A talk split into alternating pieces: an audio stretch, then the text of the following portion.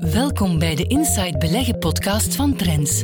Met elke woensdag een blik op de economische actualiteit en uw beleggingen door Danny Reewegs, directeur analyse en strategie van Inside Beleggen. Deze podcast kwam tot stand met de gewaardeerde steun van Keytrade Bank, de onbetwistbare marktleider in online trading in België. Welkom bij de podcast van Inside Beleggen. Aan het einde van deze aflevering deelt hoofdeconoom van Keytrade Bank Geert van Herk zijn helikopterperspectief mee van het afgelopen beursjaar. Maar eerst spreken we met Danny Reewegs, directeur strategie van Inside Beleggen. Dag Danny.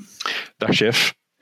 Uh, vorige aflevering hebben we de eerste drie van jouw tien favoriete aandelen voor 2021 besproken. Uh, vandaag zijn de volgende drie aan de beurt. En uh, nummer vier op jouw lijstje is de Belgische technologiespeler Barco. Nu, wel gekend denk ik wel bij de lezers en luisteraars. Um, heeft drie divisies: entertainment, enterprise en healthcare. Um, twee van de drie, maar eigenlijk is heel het bedrijf toch wel zwaar getroffen dit jaar door de coronacrisis. Hoe zwaar? Wat, uh, wat heeft 2020 voor Barco betekend? Ja, we zijn ondertussen aanbeland bij de B. Hè. We hadden drie A's: uh, Adidas, Ageas en ASML. Um, en Barco ja, is toch net als Ageas, denk ik, een basiswaarde voor de portefeuille voor de komende jaren. Ondanks het moeilijk jaar 2020 voor Barco. Barco was terug in een uh, serieuze groeifase gekomen de voorbije jaren, blonk ook uit op de beurs, maar daar is in 2020 een, abrupt einde aangekomen, omdat twee van de drie divisies toch wel heel zwaar getroffen zijn door de coronacrisis.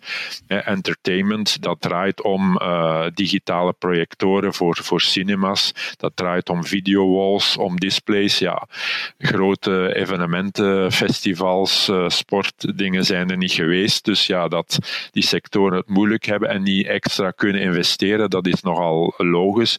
En dus zie je daar toch wel in, zowel in termen van omzet als winst, een serieuze terugval dit jaar voor de entertainment divisie. Dat geldt ook voor de enterprise divisie. Die divisie heeft ermee voor gezorgd dat uh, Barco terug een ster was geworden op, uh, op de beurs. Omwille van dat uh, op die vergadertool ClickShare, die laat een beveiligde draadloze verbinding toe met presentatie naar alle toestellen, dus naar schermen, naar camera's, naar luidsprekers. Ideaal om te gebruiken in een vergaderzaal. Nu, ja, we hebben vooral thuis gezeten, we hebben via Zoom, Teams zitten vergaderen en niet meer fysiek op het werk. En uiteraard is ook daar het groeiverhaal tijdelijk wat afge, afgevlakt. Uh, en vandaar uh, dat ook deze divisie het veel minder goed doet dan verwacht in 2020. Healthcare, dat gaat om digitale operatiekamers, diagnoseapparatuur. In het tweede kwartaal was er nog wel een positief effect van de COVID-19-pandemie. In het derde kwartaal veel minder, want in de ziekenhuizen, in de hospitaal is al aandacht nu op corona en investeringen geld voor uh, nieuwe digitale operatiekamers bijvoorbeeld, ja, dat wordt uitgesteld. Dus globaal gezien mogen we verwachten dat uh, de omzet bij Barco dit jaar toch minstens met een kwart zal terugvallen. De winst nog veel meer. Dus 2020 is wel uh, een slecht jaar voor Barco. Maar zodra de vaccins hun werk doen, zou het groeipad vanaf 2021 toch geleidelijk aan terug moeten kunnen worden opgepikt. Ja, ja, ja, want de CEO Jan de Witte heeft ook al gezegd, hij heeft uh, hoge verwachtingen voor eenmaal de crisis voorbij is. Hij heeft daar ook um, ja, ernstige uh, doelstellingen wat, wat betreft winstmarges en zo opgekleefd. Uh, wat, wat verwacht jij voor 2021 en daarna? Ja, ik denk dat, dat dat terecht is, die uitspraken van de topman van Barco. Natuurlijk, ze moeten wel hun huiswerk maken. Waarom kunnen ze dat? Omdat Barco wel financieel sterk staat. Hè? Dus een netto kaspositie heeft en dus kan blijven doorinvesteren. Niet belemmerd wordt door financiële problemen, door schuldpositie, wat bij een aantal concurrenten wel het geval is. Dus zij kunnen verder door investeren in, in de verdere optimalisatie van hun technologie en ze hebben eventueel de middelen om uh, of middelgrote overnames te doen van andere spelers die, die wel uh, het moeilijk hebben nu. En daardoor kunnen ze hun positie, hun marktaandeel de komende jaren eerder nog opkrikken. In die zin kan voor Barco wel uh, de slogan uh, gelden van ja, crisissen zijn, zijn uitdaging en bieden vooral opportuniteiten om nog sterker te gaan groeien in, uh, in de toekomst. Dus in die zin denk ik kan de coronacrisis uiteindelijk ook een, een winsituatie worden voor Barco de komende jaren. Ja, ja. En versterkt de koersontwikkeling van Barco van de afgelopen jaren dat, uh, dat beeld voor jou? Um, wat heeft de koers ja, gedaan en hoe zit het qua waardering? We hebben de decennia gezien, ja, Barco heeft goede en mindere periodes. Hè. Het hangt af in technologie van nieuwe, uh, nieuwe innovaties die je doet, die het dan wel maken. En met digitale projectoren, nu met die ClickShare, heeft uh, Barco toch wel een aantal uh, troeven voor de komende jaren. Ze staan financieel sterk. Dus ja, die, die goede periode is nu even onderbroken, denk ik. Maar het is niet voorbij. En ik denk dat de draad terug kan worden opgepikt de komende jaren. Vandaar dat het ook bij de favorieten voor 2021 is vermeld. Ja, oké. En dan nummer vijf, uh, eveneens een Belgisch beursgenoteerd bedrijf, Dieteren. Oorspronkelijk een autoverdeler, maar is zich stilaan aan het ontpoppen tot een holding met drie activiteiten. Uh, eentje blijft de verdeling van de Volkswagen-merken. Uh, een tweede zijn autoruiten via Belron, ook wel bekend bij ons via het merk Carglass. En tot slot nog Moleskin, de elegante, toch dure schriftjes en kantoorbenodigdheden. Nu, uh, ook de autosector is niet ontsnapt aan de coronacrisis. wat heeft dat dit jaar voor Dieter betekend?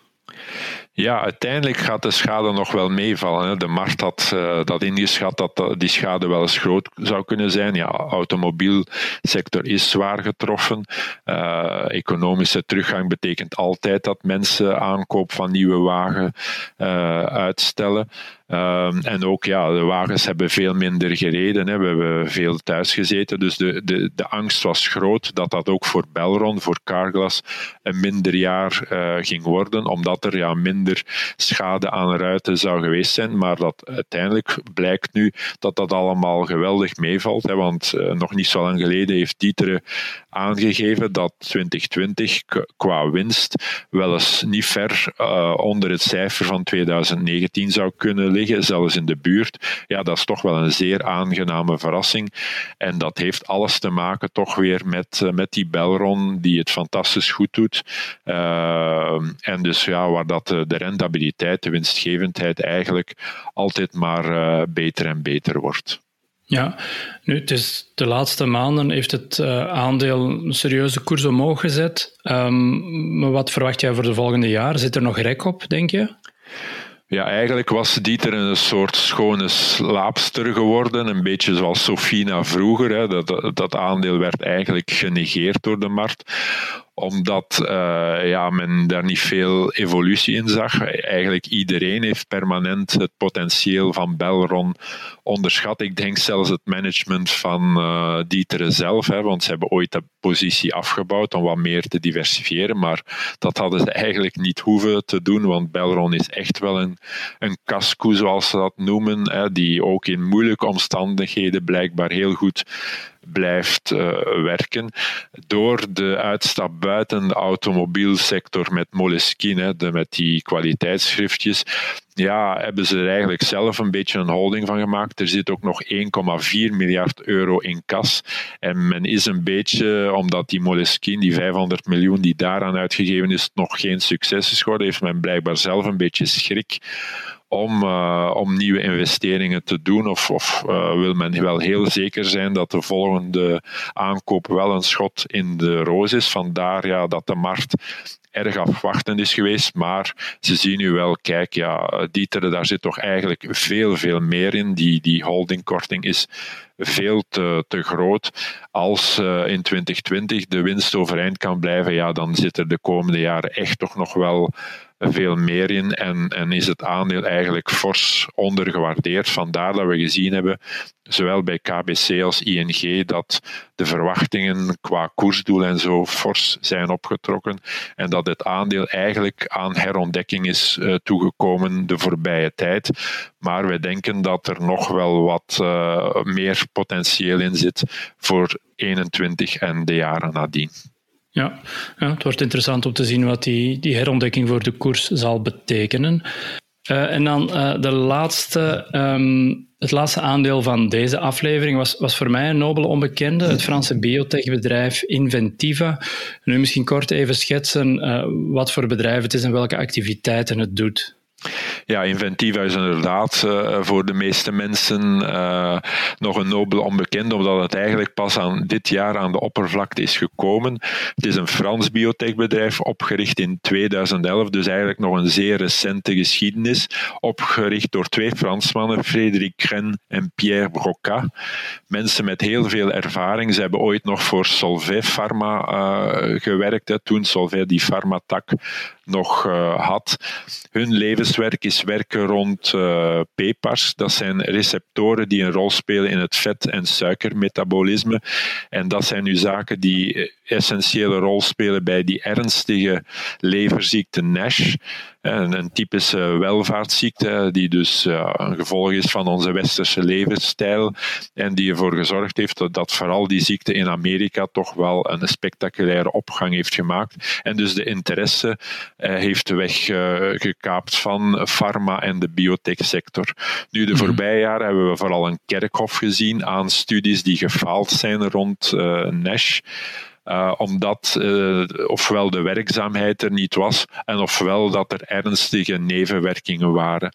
Wel nu, uh, Kren en Broca, de, mensen van Inventiva, die hebben een manier gevonden om die, die wel te doen werkzaam zijn en ook de veiligheidsrisico's tot een, tot een aanvaardbaar minimum te, te beperken.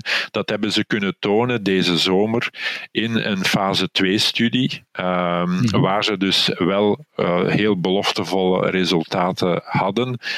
En dat heeft toch wel gezorgd voor een ontdekking van het bedrijf en van het aandeel. Ja, ja, want 2020 is wel een belangrijk jaar geweest, zowel op vlak van onderzoek, zoals je net zegt, maar ook qua financiering zijn er ook belangrijke stappen gebeurd, heb ik begrepen. Ja, inderdaad. Uh, in 2019 was Inventiva nog een flop-aandeel, hè, want ze hadden die uh, product dat zij onder ontwikkeling hebben, dat is Lanifibranor. Uh, dat hadden ze ook op een auto-immuunziekte getest en daar waren de resultaten negatief. En dus iedereen dacht, ja, als dat daar niet werkt, dan, dan is de kans niet zo groot dat het wel gaat werken voor die leverziekte NASH. Nu, dat mhm. bleek dus wel te zijn. Um, dus veel beloftevolle resultaten. Zowel dus op vlak van bestrijden van die leverontsteking, als op vlak van de fibrose, dus het vorming van het littekenweefsel dat uh, heeft ervoor gezorgd hè, dat het aandeel in de, in de, belangstelling is gekomen. En daar heeft het bedrijf dan uh, van gebruik gemaakt om dus een notering aan te vragen en te krijgen op de Amerikaanse technologiebeurs Nasdaq. Want iedereen weet, ja, ook voor biotech is uh, het Walhalla, is Wall Street, is Nasdaq.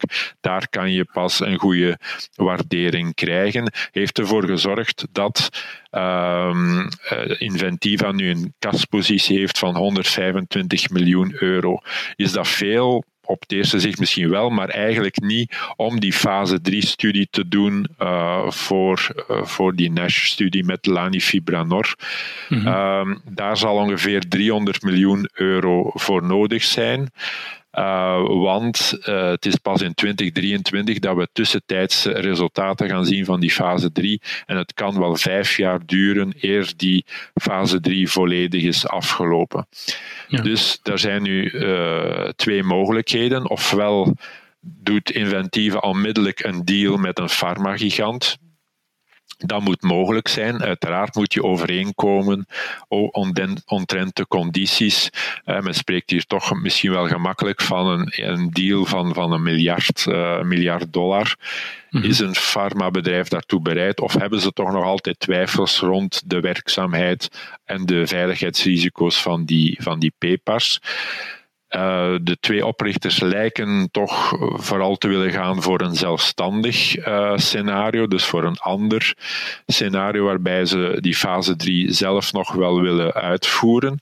Want ze hebben nog een andere troef, dat is een andere molecule, odiparcil, die ze ontwikkeling hebben tegen een erfelijke stofwisselingsziekte. En de laatste interviews en zo laten toch uitschijnen dat ze eerder gaan zoeken naar een deal voor dat middel, om dat niet zelf verder te ontwikkelen ontwikkelen, maar een partner te zoeken die de kosten daarvan gaat op zich nemen. En dus mhm. dat bijkomend geld te gaan gebruiken om dan toch minstens tot 2023 uh, Lanifibranor zelf verder te ontwikkelen. Ja, dus ja, de eerste stappen zijn gezet. Het wordt afwachten wat dat in 2021 eh, en daarna zal geven. Nu, waarom eh, heb je het bij jouw favoriete lijstje gezet? Want het is dit jaar al, al met meer dan 200% gestegen, de koers. Um, ja, welke mogelijkheden zie jij nog? Ja, die koerssprong hè, die is ook een stuk compensatie voor de daling die er geweest is, forse daling die er geweest is in 2019. Nu het bedrijf heeft uh, een beurswaarde ongeveer van 400 miljoen euro, wetende dat Nash echt een miljarden dollar markt is. Hè. Als jij als eerste daar een, een echt werkzaam en relatief veilig uh, geneesmiddel kunt op de markt zetten, ja, dan moet je toch naar uh, een blockbuster status kunnen evolueren. Mm -hmm. dus eigenlijk heeft de markt tot nu toe nog altijd de twijfels. De, de stijging was er, maar die is niet doorgezet. Uh, dus ja, er is echt wel flink wat opwaarts potentieel. Het, het, dalingspotentieel wat je bij biotech ook altijd moet bekijken, dat lijkt me relatief beperkt. Uiteraard, een koersdoel op plakken voor 2021 is moeilijk. Hè, dat zal ervan afhangen. Uh, het meest waarschijnlijk scenario lijkt me dat er een deal komt rond die Odiparcil, rond dat, dat middel, en dat men zelfstandig gaat proberen uh, Lani Fibranor minstens tot 2023 verder te ontwikkelen. Maar evengoed komt er morgen een farmareus die wel voldoende geld op tafel wil leggen. Of komt er een bod op Inventiva, dat is ook nog altijd mogelijk.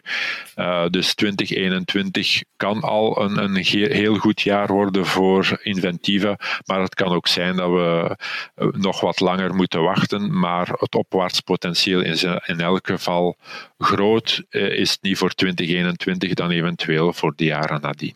Ja, een aantal veelbelovende scenario's om in de gaten te houden dan. Jij bent uh, alvast bedankt voor jouw tijd en inzichten. En volgende week zijn we er dan met jouw laatste vier uh, favoriete aandelen voor 2021. Tot dan. Tot dan. Dag. We luisteren nu naar Geert van Herk, Chief Economist van Keytrade Bank, met zijn analyse op een aspect van de economische actualiteit. In deze podcast blikken we even terug op de prestaties van de aandelenmarkten in 2020. Volgende week staan we stil bij de obligatie- en grondstoffenmarkten. Goed, de aandelenmarkten hebben er een zeer bewogen jaar op zitten. Dat is het meeste wat we kunnen zeggen. De volatiliteit lag enorm hoog. Januari en februari waren nog uitstekend, maar in maart kwam de coronaklap en kennen we de snelste beursdaling ooit. Op enkele weken tijd verloren de toonaangevende indices meer dan 30 procent. En ondanks de economische schade van de coronacrisis vond er vanaf april een zeer spectaculair beursherstel plaats. Dat tot op de dag van vandaag nog steeds verder gaat. We vragen ons af welke beleggers dit jaar het hoofd koel konden houden en niet emotioneel of paniekerig reageerden tijdens de schok van corona. Maar goed, het jaar zit er zo goed als op en we blikken terug op de winnaars en verliezers en enkele markante feiten. De Amerikaanse beurs was dit jaar weerom de blikvanger. Net zoals de afgelopen jaren presteerde de Amerikaanse beurs dankzij de technologieaandelen zeer goed. De coronacrisis en de daaropvolgende periode van wereldwijde lockdowns spelen in de kaart van giganten als Amazon, Netflix en Apple. En dan spreken we nog niet van Tesla dat bleef profiteren van de opmars van de elektrische wagen en uiteindelijk werd opgenomen in de S&P 500. Maar november was wel een keerpunt. Voordien kregen we vaak te horen dat de Amerikaanse beurs enkel profiteerde van enkele grote technologiewaarden die onder de FANG-paraplu gegroepeerd werden. Vanaf november trad er een spectaculaire rotatie op. Vanaf dan zagen we dat bijvoorbeeld Apple, Amazon, Microsoft en Facebook ter plaatse bleven trappelen. Maar dat small caps en cyclische waarden sterk omhoog gingen. Dit is een belangrijk feit, want het betekent dat heel wat aandelen aan de hoogste deelnemen en dat het niet louter de technologie sector is. Deze brede participatie is een zeer bullish signaal en laat verhopen dat 2021 een goed jaar kan worden voor aandelenbeleggingen. En dat geldt eveneens voor Europa en de beurzen van de groeilanden. Die bleven in de eerste drie kwartalen achter op de Amerikaanse beurzen, maar vanaf november was er een scherpe inhaalbeweging. We volgen vooral de prestaties van de groeilanden op, want uit talrijke fundamentele studies blijkt dat deze aandelenklasse zeer aantrekkelijk gewaardeerd is. Het is best mogelijk dat deze groep landen de leidersrol van de VSA gaat overnemen. Vooral volgend jaar kunnen de groeilanden verder schitteren bij een verder herstel van de wereldeconomie. China kan er enkel maar van profiteren. Onze conclusie na een bijzonder wild beursjaar 2020 het herstel na de coronaklap was indrukwekkend, maar vooral de rotaties naar small caps en aandelen uit de groeilanden wijzen op een wereldwijde participatie aan het beursfeest. Het is niet enkel technologie die schittert. De nieuwe historische hoogtes waarop we thans aangekomen zijn, onderstrepen de stijgende trend op de beurzen. En daarom never fight the trend. Tot zover deze aflevering van de Inside Beleggen podcast. Meer tips, advies en analyses voor uw beleggingen leest u morgen in Trends. Volgende week zijn we er opnieuw. Deze podcast kwam tot stand met de gewaardeerde steun van Keytrade Bank, de onbetwistbare marktleider in online trading in België.